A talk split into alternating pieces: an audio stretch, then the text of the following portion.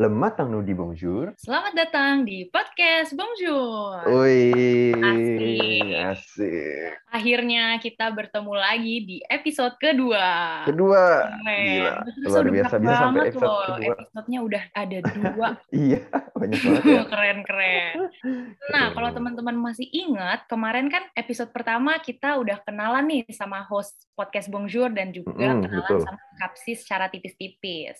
Mm-mm. Nah, di episode kali ini kita pengen kenalan lagi nih, tapi kenalannya sama negara Prancis. Waduh, pasti banyak yang penasaran nggak sih sama negaranya? Betul, makanya Pasti episode ini banyak yang dua. Mm-mm, bener banget. Oke, jadi mungkin teman-teman bingung nih, gimana sih kita kenalan sama negara? Nah, tenang aja, di sini ada caranya, yaitu untuk mengenali stereotip-stereotip yang ada. Mm-mm, bener, bener banget. Jadi em, kalau mungkin teman-teman gitu ya dengar kata Prancis gitu, dengar kata France, dengar kata France gitu, pasti Asik. nggak pasti sih, tapi mungkin ya pikiran di otaknya tuh menara Eiffel gitu ya, bukan bukan Eiffel, bukan Bukan Eiffel kayak ya? Eiffel gitu. Jadi bacanya Eiffel ya teman-teman. Terus mungkin Nah. kepikiran juga baguette begitu yang banyak ada di boulangerie kayak les jours gitu ya. Oh kalau iya, jours eh, itu banyak. sekali.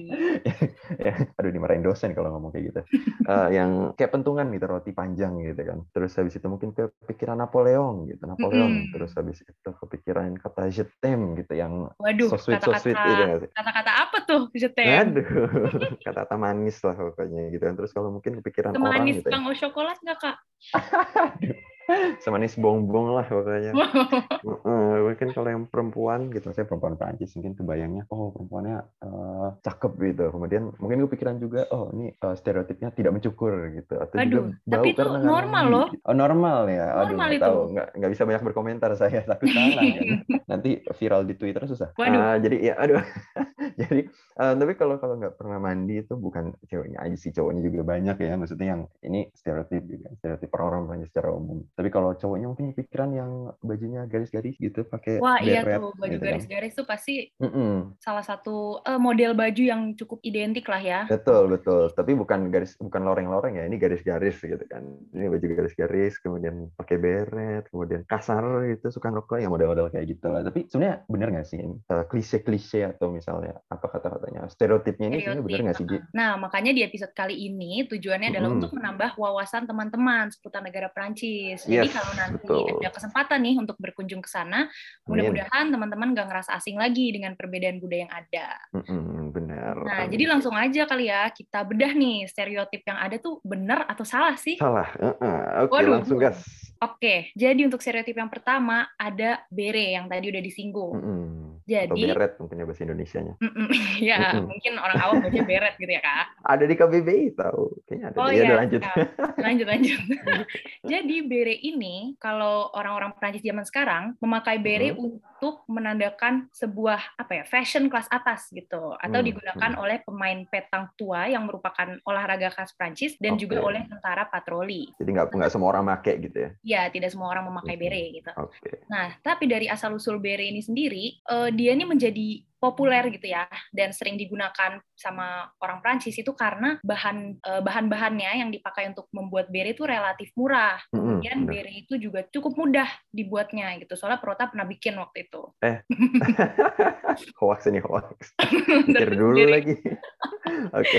Bere ini hebatnya dia tahan hujan. Mm-mm, bener. Mm-mm, makanya di tahun 1500 sampai 1600, bere juga menjadi populer di kalangan masyarakat menengah ke bawah. Nah, kemudian pada tahun 1820 sampai 1930, penjual bawang dari Breton berjualan di Inggris dengan bere. Nah, sehingga jadi identik lah nih topi bere ini. Bener, bener, bener. Jadi identik sama Prancis gitu kan. Tuh, Karena sebelumnya ya mungkin orang orang nggak tahu kalau itu dari Prancis gitu kan. iya.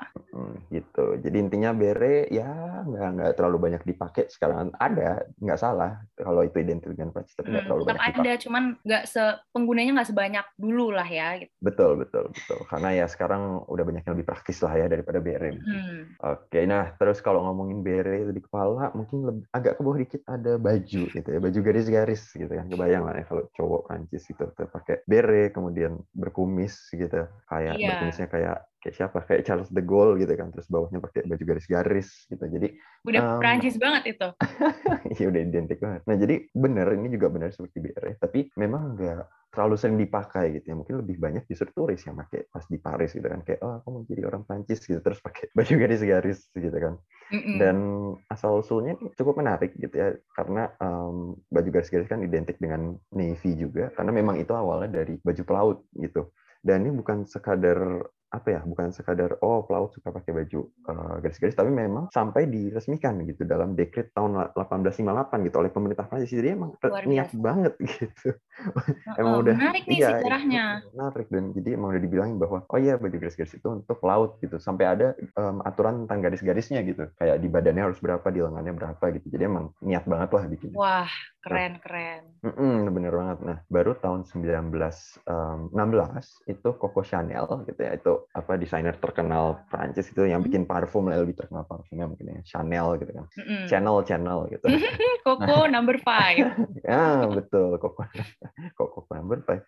Nah, eh, itu dia mengadopsi desain garis-garis dan dibuat jadi apa ya bagian dari balik lagi tadi fashion kelas atas gitu, haute mode Mm-mm. gitu lah ya dan sejak saat itu baru jadi em,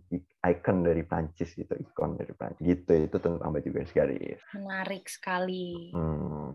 Emang busana-busana atau pieces yang ada di Prancis tuh rata-rata dipakainya oleh masyarakat, sebenarnya oleh masyarakat Prancis gitu ya, tapi seiring berjalannya waktu mulai diadopsi sama desainer-desainer kelas atas gitu ya, sehingga uh, item-item tersebut menjadi ya masuk ke dalam golongan fashion kelas atas. benar benar benar. Kayak gitu jadi sejarahnya. Nah, kan kita udah bahas nih tadi tentang beret, tentang baju garis-garis. Selanjutnya mungkin kita bisa beralih ke stereotip sifat orang Prancis kali ya, yang katanya tuh Boleh, boleh. kasar.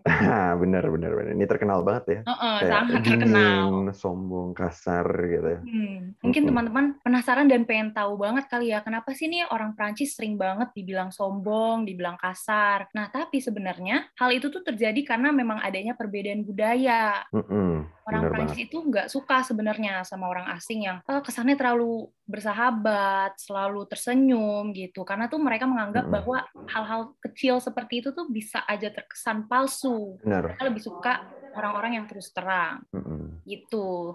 Ada bagusnya juga sih. Jadi nggak ada teman palsu misalnya gitu kan. Oh iya, Aduh. benar. Nah iya mungkin teman-teman kalau yang udah capek dengan drama pertemanan gitu, temenan sama orang Prancis, karena orangnya Iya jujur. benar, sangat jujur, benar benar benar. Nah selanjutnya dalam budaya Prancis urusan makan itu merupakan waktu santai. Jadi kalau di Mm-mm. mungkin di kafe atau di restoran gitu, jarang ada pelayan yang menanyakan jika pelanggan ingin mungkin menambah roti atau air gitu. Kemudian piring mereka diambil setelah selesai makan. Nah maka dari Mm-mm. itu makin banyak impresi gitu ya dari orang-orang mungkin dari turis-turis gitu yang menganggap kalau Turis, banyakan turis ya. Uh, kebanyakan turis menganggap bahwa orang-orang Prancis tuh sombong, males. Males. heeh. Itu emang budayanya aja. Padahal beda emang gitu. budayanya gitu. Jadi kalau misalkan teman-teman suatu hari gitu punya kesempatan untuk ke Prancis, jangan diambil hati gitu kalau misalkan cuekin gitu.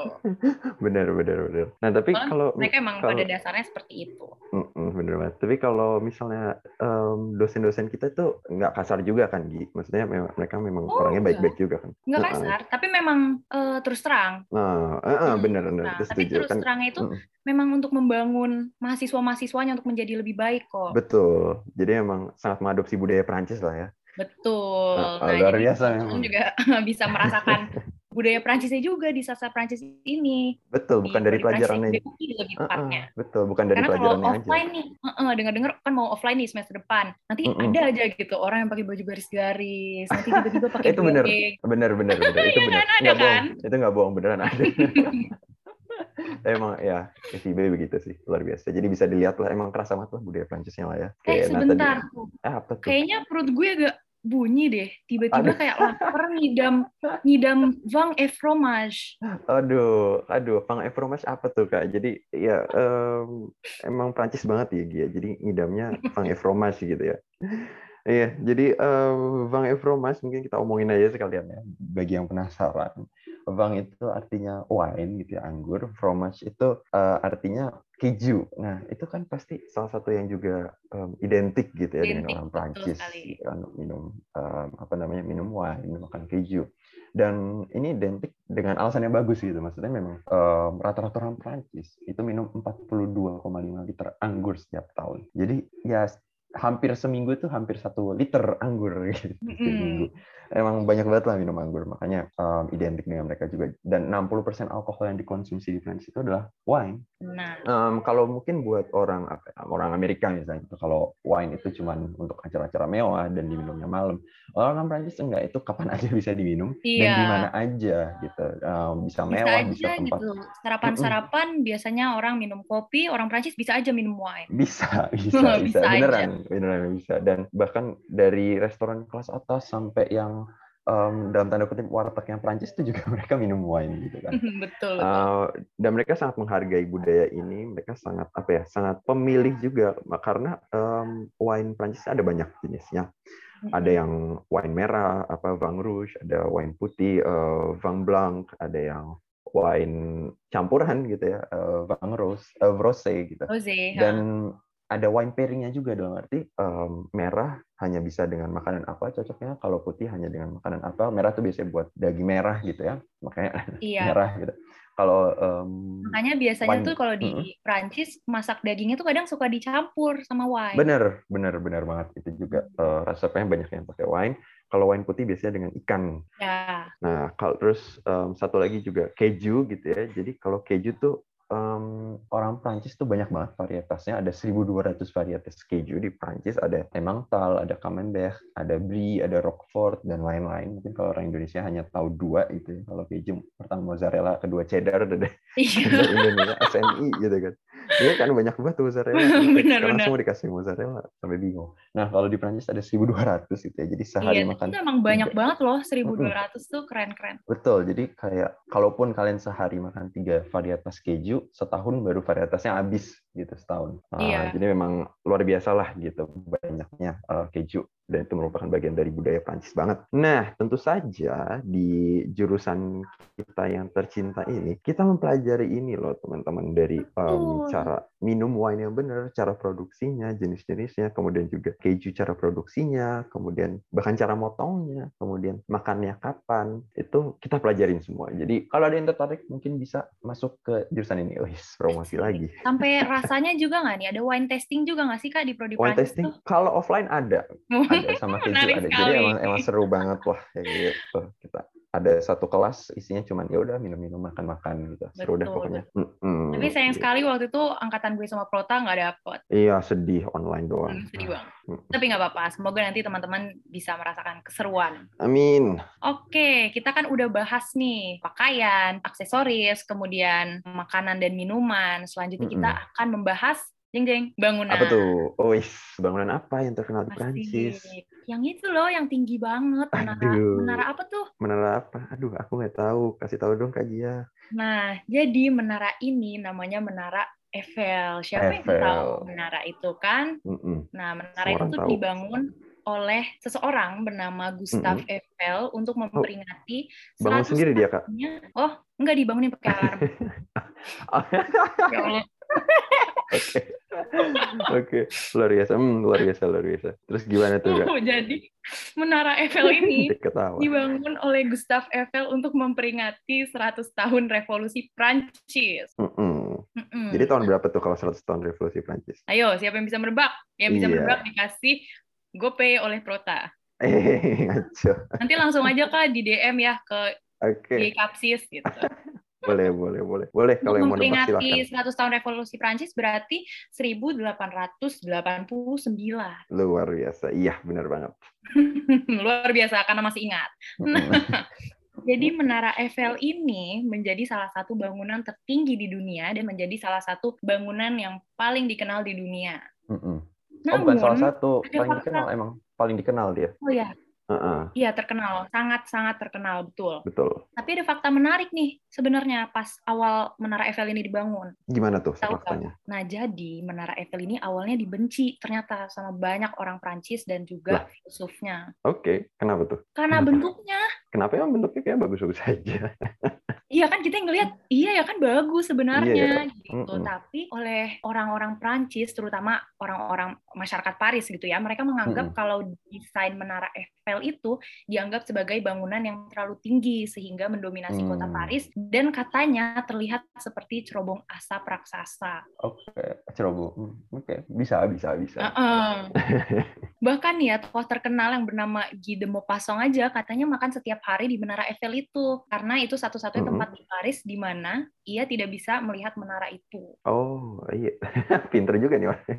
Wak. Iya, iya ya pinter juga ya. terus ya. Malah ke situ terus. Bener sih, bener. Tapi bener. Itu iya sih gue juga baru sadar ya pinter juga. Iya, kalau nggak mau lihat sih. Iya, bener. Oke. Tapi seiring berjalannya waktu nih, Menara Eiffel itu menjadi salah satu identitas Prancis dan tempat wisata yang banyak dikunjungi oleh turis-turis dari mancanegara. Hmm, hmm, hmm. Jadi orang Hmm. malah suka ya akhirnya. Iya, jadi ujung-ujungnya orang-orang juga pada suka gitu. Hmm, Dan kalian nih teman-teman yang mendengarkan podcast ini juga bisa banget ngunjungin Menara Eiffel, kemudian naik ke atasnya, tapi berbayar ya itu tentunya. Iya, berbayar pasti. Nah, tapi emang beneran bagus banget sih. Dan kalau teman-teman naik ke atasnya gitu, melihat pemandangan kota Paris itu bener-bener cantik banget. Apalagi kalau di malam hari. Mm-mm. Karena tuh lampu-lampunya di menaranya tuh langsung pada nyala-nyala semua. Pokoknya Hmm. jadi cantik banget dan menambah luar kesan romantis. Hui. Cinta-cintaan nih. Iya, menarik kan Aduh. emang Prancis negara yang Menarik, menarik.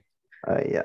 City of Love ya kalau ini, kalau Betul Paris. sekali. Nah, Nah, itu benar tuh City of Love. Jadi Prancis tuh ternyata juga identik dengan kata romantis. mm-mm, Mungkin ini juga salah satu bahasan yang teman-teman pengen denger gitu ya. mm-mm. Tapi mungkin itu akan jadi bahasan di episode terpisah kali ya. Yes, biar- nanti akan ada episode bahasannya tuh khusus gitu ya. makin mendalam gitu. Amin, betul. Ya, terkait dengan romantis-romantis, mungkin em, kalau satu sisi Paris itu kedengarannya kelihatannya romantis karena menaranya, karena gembok-gembok itu kok lupa sih? Yang Aduh, gembok apa cinta di itu nih di namanya. di Sungai Sen, Sungai Sen, gembok cinta itu kan. Jadi emang udah terkenal City of Love. Tapi ada sisi lain Paris gitu yang kurang romantis mungkin ya. Jadi akan mengganggu momen-momen momen-momen romantis yakni tikus gitu. Jadi di di Paris itu banyak banget tikus. Eh, tikus beneran ya kalau tikus eh, kantor itu nggak tahu mungkin harus tanya orang Prancisnya langsung ya takutnya takutnya salah gitu kan. Jadi Hmm. tikus Ini beneran. di sini gitu kita Paris. bahasnya tikus beneran kok. Iya benar. Jadi em, tikus di Paris itu banyak banget. Ada sekitar 3,5 juta sampai 4,5 juta. Em, dan itu sama dengan untuk satu orang Paris itu mereka punya 1,5 sampai 1,7 tikus gitu. Jadi em, banyak banget. Ya, tikus banyak di- banget sih. Heeh, heeh, banyak banget. Kalau di rumah gue banjir air di Paris banjir tikus. sedih banget. Rumahnya di mana kak? Kok banjir air? Nah, itu dengerin episode 1. Satu biar tahu. Iya, jadi eh, banjir tikus gitu ya. Dan itu bisa ditemukan di banyak tempat, di mana-mana sih sebenarnya di Paris gitu ya. Dan itu juga jadi em, sampai jadi ini apa topik kampanye gitu untuk wali kota Paris karena mereka Mm. sadar kalau itu masalah yang sangat serius gitu. Mungkin ini salah satu alasan juga ya, sang- mungkin mungkin saking lamanya orang Paris tinggal dengan tikus, makanya mereka bikin film tentang tikus yang bisa masak gitu. Tahu nggak gitu film apa? Tahu, tapi apa tuh? Mungkin Prota boleh jelasin. Iya, ya, ya tau lah film Ratatouille gitu ya. Mungkin ayo udahlah daripada karena susah gitu kan menyelesaikan solusinya, mungkin kita bikin tikus jadi lebih friendly di Paris. Gitu ya, saking identiknya dan mereka mungkin tikusnya juga belajar untuk berhidup bersama manusia, jadi mereka belajar masak mungkin ya. Mungkin saking emang saking banyaknya gitu ya. Jadi udah jadi budaya Paris gitu. Jadi ya itulah memang banyak tikus di Paris gitu. Bagian kurang romantis dari Paris. Gitu. Itu tentang tikus di Paris. Iya, soalnya kayak agak agak kurang lucu gitu. Udah cantik-cantik lagi eh, berduaan gitu misalkan di bawah Menara Eiffel gitu. Tiba-tiba nanti ada Cik-cik ada, Orang ada ketiga. tikus gitu kan kayak waduh agak sedikit kaget. agak sedikit Iya, kaget. Jadi jangan kaget ya kalau ke sana terus banyak tikus ya, ya memang begitu. Ya memang begitu ajak berteman aja tuh jadikan peliharaan Benar, benar sekali. biar menarik. Nggak ada yang bercanda-bercanda jangan. Jangan bawa penyakit tikus, guys. oh atau mungkin ini kalau ketemu tikus biar kayak Ratatouille ajakin masak. Diajarin ya. Iya benar, tapi tikusnya ngajarin. Luar biasa. Oke. Aduh. Nah, Tikus, tikus. itu setelah udah banyak nih ngebahasin stereotip-stereotip Prancis gitu. Kita juga udah membedah stereotip yang Mm-mm. ada di Prancis, apalagi bahasan terakhir kan tentang tikus gitu ya. Itu kan Benar. sangat apa ya cara yang sangat menarik gitu untuk mengakhiri episode kedua podcast Bonjour. Mm-mm. Nah, tapi teman-teman jangan sedih kalau misalkan masih mau tahu lebih lanjut gitu, info-info menarik seputar Prancis atau negara Frankofon, itu teman-teman tuh bisa pantau terus podcast kita dan Instagram Ikapsis. Karena di Instagram Ikapsis itu ada yang namanya Saviez-vous. Itu kayak infografis hmm, apa tuh? seputar Prancis dan juga negara-negara Oh, Frankofon. Menarik. Sangat menarik emang. Oke. Suka ada games-gamesnya juga. Siapa tahu Ah, gamesnya berhadiah ya kan. Jadi teman-teman bisa banget lihat. Oke, kalau mau apa namanya? Kalau mau nanya-nanya lebih lanjut tentang stereotip tentang klise bisa juga ya? Oh bisa juga. Heeh, Boleh Oke. langsung DM aja Instagram Oke, Ikapsis. mantap. Kita ini emang interaktif gitu prodinya. Mm-mm, interaktif, Mm-mm. betul sekali. Dua arah. Benar, dua arah. Karena Mm-mm. kalau orang-orang bilang kuncinya adalah untuk saling berkomunikasi. Oke. Oke deh, seru banget ya eh, bahasan episode podcast Bonjour kali ini. Bener-bener Mm-mm. menarik banget kita jadi tahu eh, wawasan-wawasan seputar Prancis gitu yang bener-bener Mm-mm. menarik banget gitu. Kita bisa lebih kenal dengan budaya Prancis. Mm-mm, Benar. Jadi mungkin itu aja untuk episode kali Itu aja. ini. Mm-mm. Mm-mm. Gia dan Prot pamit undur, Undur diri, diri. Sampai jumpa dan lagi. sampai jumpa Dadah. di episode selanjutnya. Sampai jumpa. Dengerin terus ya, Dadah. guys. Dadah.